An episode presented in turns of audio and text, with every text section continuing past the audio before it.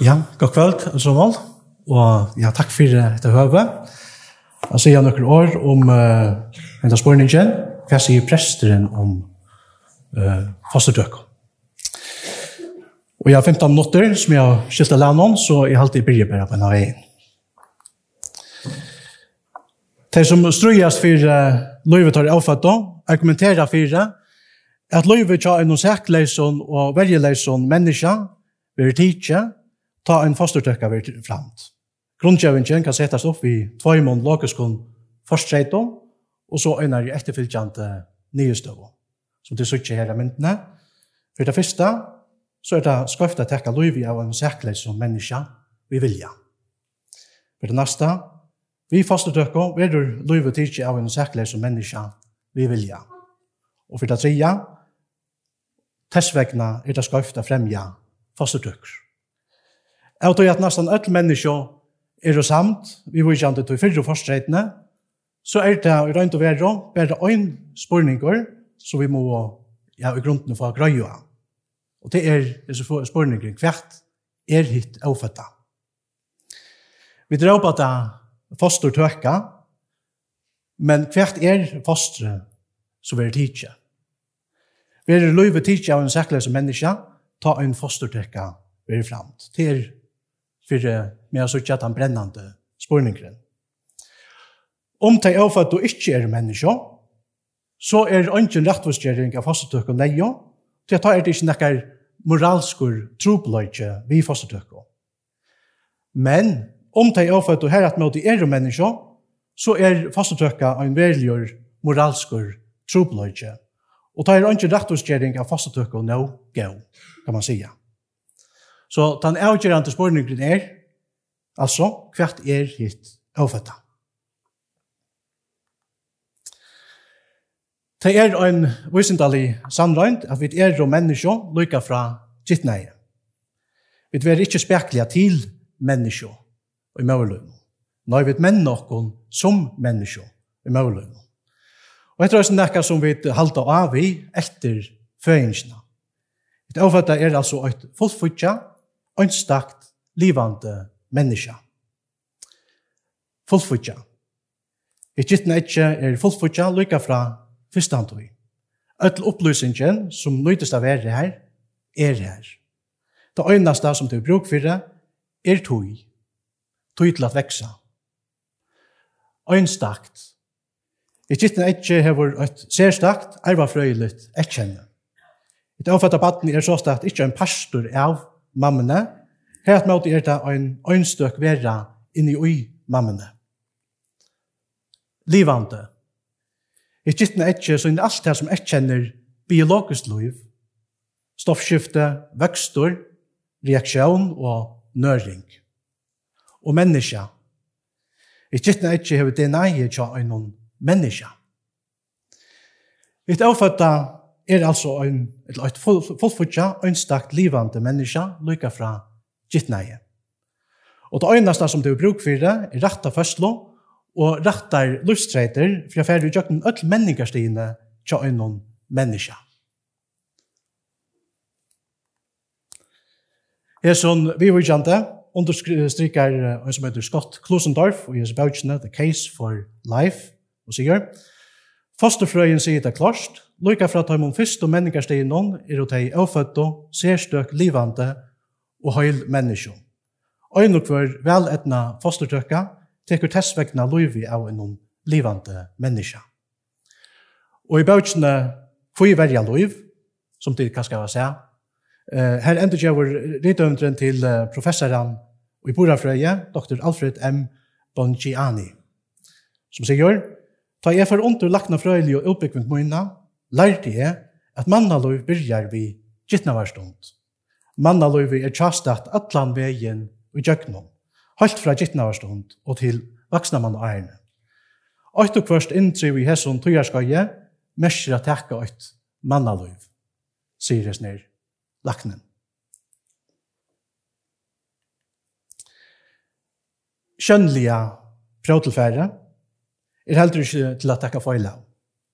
Vi fastet økker verur løyve tidsi av en sækleisum og verjeleisum menneska vi vilja.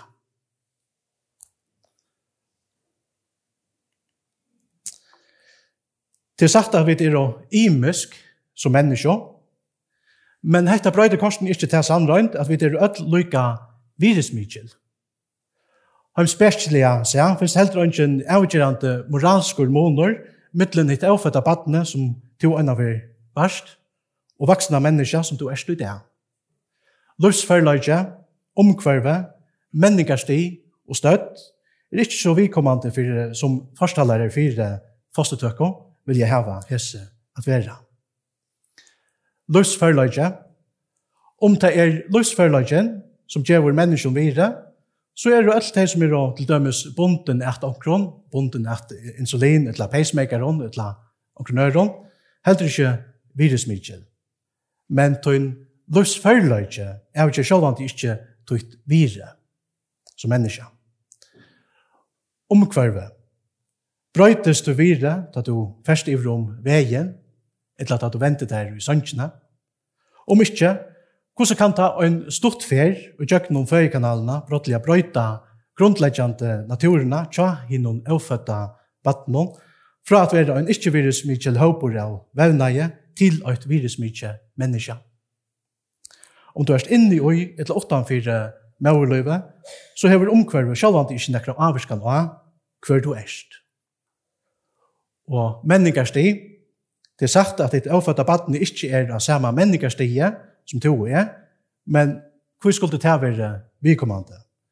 Fyra er gamle jenter, heller ikke samme menneskerstige som 14 er gamle jenter. Og jeg eldre bøten at det var mer rett til løyve enn tørre inkro syskjen, kunne spyrja. Som en falsk sier at det er tilvitanen om oss selv som gjør oss virusmykje. Men om det er sagt, så kunne nøyføringer heller ikke sies det være virusmykje menneske. Da ser man ikke alltid at tjatøymen som litja i koma til dømes, ytla tjatøymen som har Alzheimers sjukna. Men tunne evne avgjera sjålant ikke tutt vire. Og støtt, de avfødda, de er jo minne enn nøyføringar og vaksen, men hvor skulle det tas over vikommande? Ikkje vil velge å si at størfolk er og meira virusmykkel enn løytelfolk, Vanliga er mannfolk større enn konfolk, men hetta merker tog ikke at mannfolk er oppe på det mer rettende enn konfolk. Så du støtt er ikke sjålant ikke tøyt vire. Løsførløgjen er ikke altså ikke tøyt vire, det er omkvarve heldur ikke, og heldur tøyne i evne og tøyne støtt. Og i slutten er det nekmere kinsamt å legge dette, er sjalt om mennesker er å sera imisk, da det kommer til evne, avrik og menningarsti, så er det korsene jaunsekt og virusmykjel, til at det er øya lot i som og menneskjali og naturo. Menneskjo er og virusmykjel vekna til som det er langt og ero, og ikke vekna nekran avvisan egenløyga som det kunne få eller missa ut av løyve.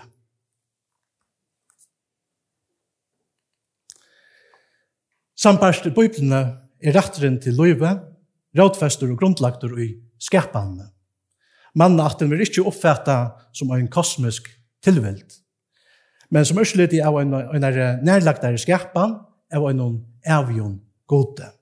Så manna vire stavar så statt fra gode.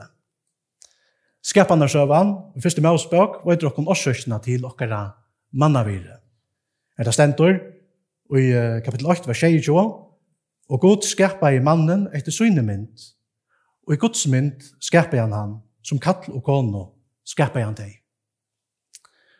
Bibelen stedfester klost og tydelig at öll menneskje er virusmykkel, tog at de er skapt.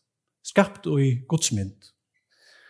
Vi øren og øren er menneskje virusmykkel vegna til som de er som Guds skapningar, og ikke vegna til som de kunne gjøre åttan mån til utkjønt, attersle og evne, så hava menneskje et og enda litt vire, jeg at de rett og slett er jo som er skapt og i godsmynd.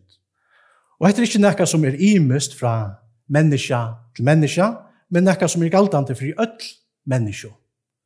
Okra godsmynd brøytest jo ikke, og tog kan okra viri heldur ikke brøytast.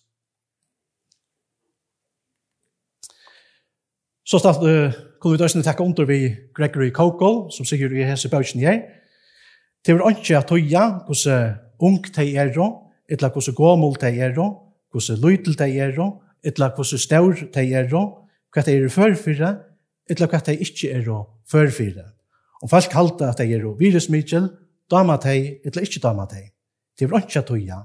Først ønstakt menneske er vekkost, sier han.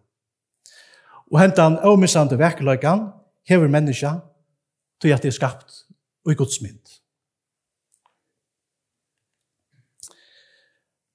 Først sprakkar fire frugjere fasttøkko, kunne korsene sija, «Moin kroppur, moin avgjer». Men at her åringen er misvisande, halte jeg. Talan er jo ikke bare om øyna kvinno, eller øyn kropp, man kan også snakka om tvær kroppar eller tver kvinner. Lukka som mamman er en avfødda, og er et livande menneske. Og selv om du ikke sørst henne eller høyrer henne, så bor kroppen seg inn i avfødde kvinnene korsen fra, hvert hun velja er. Hun er livande. Det har vi tatt. Hun inntekker føye og vekser, og så alle er er livande kjettner. Kroppen seg inn i mennesk og i kvarjon, om du lekter henne veksa, så først og kjøtt av suttje at hun hever egene tja mamma sinne. Hun er livande. Og hun er et menneske. Hun er ikke noe annet, hun er ikke en hest eller en erpa, hun er et menneske. Og selv om vi kallar henne for et foster, så er hun hva sett et menneskefoster. Og foster er en makt jeg løser henne aldri på.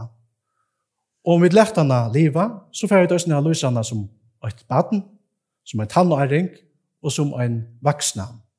Og i ætlån aldersflokken er hun korsene det samme. Hun er et menneske. Hun er en personer. Da mamman velger at enda løyve tja henne i avfødda, så bare hun ikke fyrir en parsti av sin egna likame. Når det gonger ut iver en helt annan person. Henne avfødda er jo nemlig sitt egna DNA. Det er ikke lykka som DNA er tja mammene eller pappan.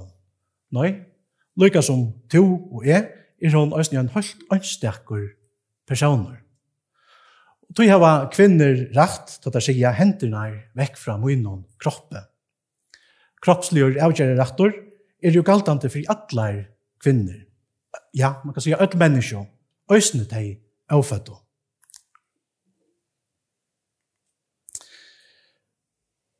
Vysindalia heimspesliga, godfrøyliga og kjønnliga prøvtilfære, som vi da vil gjøre noen, stålar forstreit noen som er leie fire vi.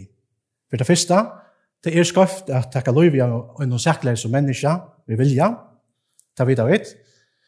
For det neste, vi faste tøkko, verur lov tidsi av en sækler som menneska vi vilja, og for det tredje, tessvegner det skøft at fremja faste tøkker. Dette er kun tøy, strujast fyrir tæmon minst då. Lett jeg kun strujast fyrir tæmon vøykast då. Lett jeg kun strujast fyrir loivnån, bægir tja tæmon født då, og tja taimon då.